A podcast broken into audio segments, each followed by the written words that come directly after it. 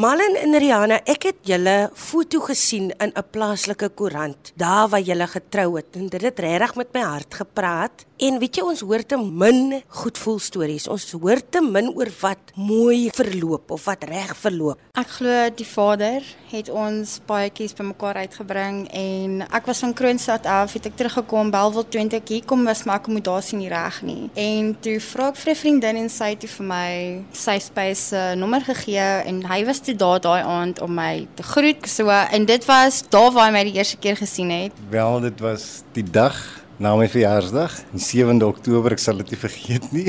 Ja, verlede jaar. Ek het vir God gevra vir my verjaarsdag om my rigting te gee want ek was baie moedeloos. Um, ek bedoel ek is in shelter en nou al vir 'n tydjie en toe bid ek die Vrydag vir my verjaarsdag sê God stuur vir my liefde. En die Saterdag aan toe sê die caretaker vir my, ek het al geslaap, gaan roep vir Rihanna. Toe vra ek nou wie se Rihanna? En toe gaan ek na die vrouensdom toe te roep ek vir Rihanna want jy moet skree, jy kan nie ingaan nie. En toe sy uitkom laggend Ek is Rihanna. OK. Dis my asem weg. Dat ons vandag hier so sit. Vertel ons 'n bietjie van jou kom vandaan, Rihanna. Was daar moeilike tye vir jou? Um ek kom uit verslawing uit. Ek is 2 jaar nou skoon van dwelms af. Ek het verskriklike swaar tye gehad. My ma en my pa het afgesterf in die laaste 4 jaar aan kanker.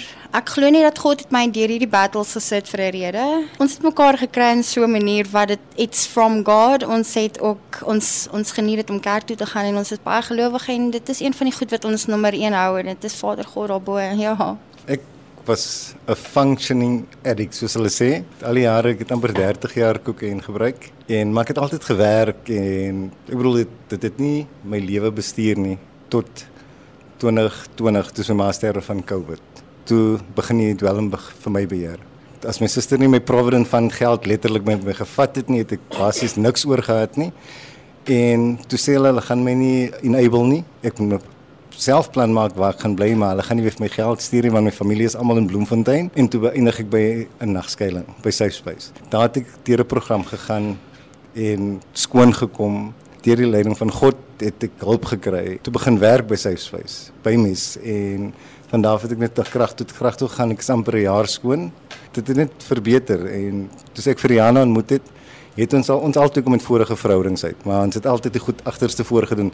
Eers te saam bly en dan wil jy trou en alles en toe besluit ons die keer kom ons doen dit reg. Ons trou eers en dan doen ons die res. Hoe maak 'n mens as jy uit 'n wêreld van verslawing kom om nooit weer daai pad te stap nie? Vir my is dit God. Dit maak nie saak wat jou geloof is nie, maar dit moet spiritueel is. Dit is waar jou krag vanaf kry om vir God eers te sit en alles tweede. Eerste God en dis waar ek my krag vanaf gekry het. Waar met my is presies dieselfde gewees. Ek was in verske, verskeie rehabs gewees en dit, dit was nie ehm um, geestelik gedrewe nie. En die dag toe ek besluit het om vir deliverance te gaan om my af te sny van of heeltemal die kettinge te breek van die die ewel wat oorgeneem het in my in my hart en my hart fisies vir God gegee het te weer wedergebore te raak om nie weer dieselfde te wees nie maar om geestelik 'n geestelike lewe te lewe. Die leiding van God en sy liefde en om te weet wat jy verloor het en dat dit alles hernie kan word word deur hom dat jy wil nie terugkyk nie en jy wil dit nie weer in jou lewe nie. Is te veel seer en ongelukkigheid en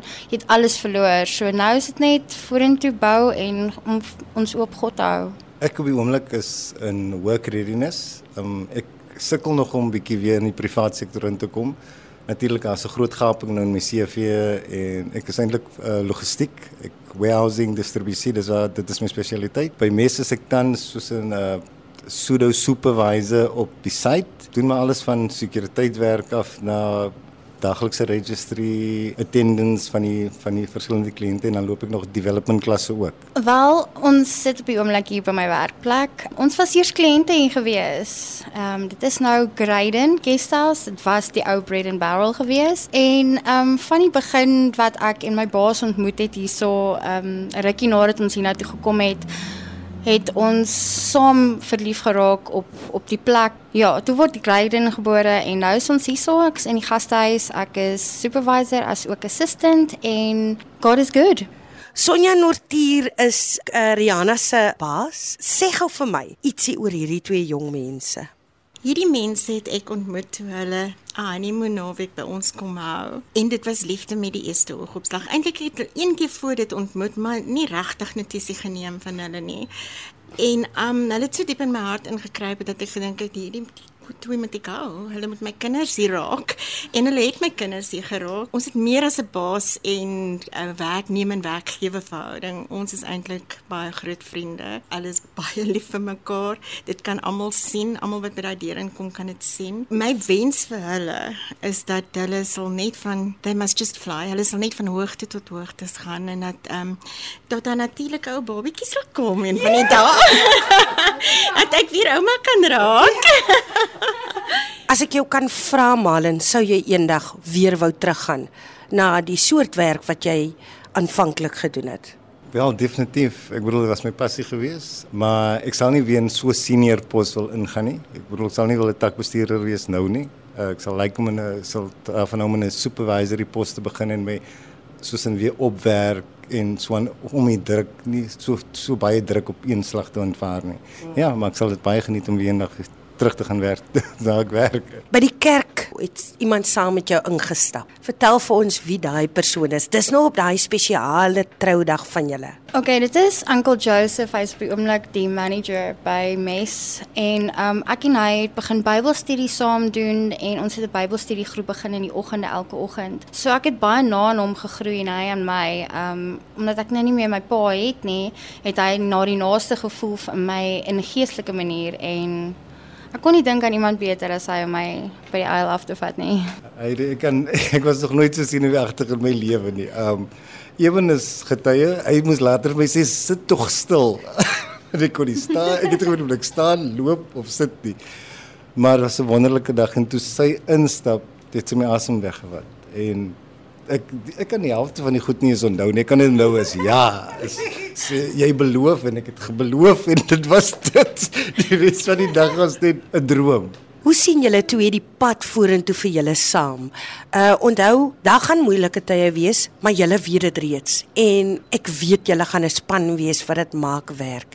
Ek glo dit uh wanneer julle stap 'n pad met die Here. Vir my is dit is dit klaar geseën. Ek bedoel, na ons getrou het, um, almal het vir ons gesê mense trou nie in shelters nie. Wag toe jy 'n plek kry en dan trou jy en ons kon nie wag nie.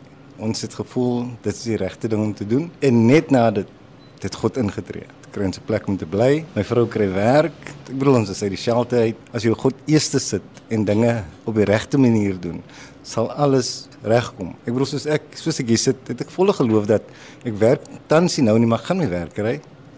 Ek glo dit. Ja, en ek het, ek glo aan dat God ons sal bestuur soos ons waar ons moet wees. Ons is gewillig vir enigiets wat hy op ons pad sit. Ons glo dat sy wil moet geskied altyd en sover het kan ons getuig dat everything happens within his will if you just submit to his will and yeah, God blesses you. As daar 'n liedjie is wat julle aan mekaar sou opdra, 'n liedjie wat met julle harte praat, wat sou dit wees? Um, dit is die liedjie van Keith Urban when God whispered your name.